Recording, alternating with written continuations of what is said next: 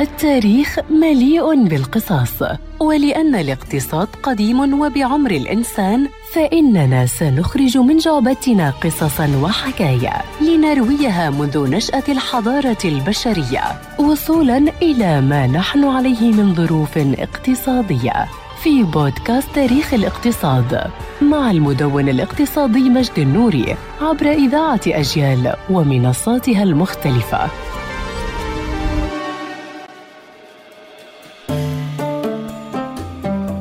ما سأحدثكم عنه اليوم تركضون إليه مسرعين إذا انقطعت الكهرباء عنكم ليلا. نعم إنه الشمع الذي صنعه الرومان بشكله المعروف منذ حوالي ألف عام قبل الميلاد. فيما صنعت من دهون الحيتان لدى أصدقائنا الصينيين الدهاة في عهد أسرة تشين في عام 221 قبل الميلاد ثم في الهند. تم استخدامه في المعابد. أما الشكل الأصلي والأساسي للشموع فقد كان من الشحم والعسل بشكل أكبر ويقال أنه استخدم لطقوس دينية عند الإغريق. ويعد الشمع الذي نستخدمه كما أخبرتكم مع انقطاع الكهرباء أو في أعياد ميلاد أحبتكم فقد كان بديلا اقتصاديا مهما حينما اضطربت التجارة مع نهاية الإمبراطورية الرومانية وانقطع زيت الزيتون والذي كان وقود المصابيح. بل وكان صانعوه يجمعون كل الدهون الملتصقة بالمطابخ ليحولوا يحولونها لشموع كأحد مصادر الثروات آنذاك. أما في إنجلترا وفرنسا فهذه الشمعة الصغيرة كان لها نقابة بحلول القرن الثالث عشر بل وكان لها ميثاق شرف بين الصانعين. أما شموع كعكات عيد الميلاد فقد نشأت في أوروبا حوالي عام 1600 وتحديدا في باريس. أما في الشرق الأوسط وخلال الخلافة العباسية والفاطمية كان شمع العسل هو المادة السائدة المستخدمة في صناعة الشموع. بل وكان استخدام الشمع مقتصرا على النخب. وكان سعرها في بعض الأحيان يضاهي الذهب بل يكفي أن تعلم أن الخليفة العباسي المتوكل يقال أنه أنفق مليونا ومئتي ألف درهم فضي سنويا ليشتري الشموع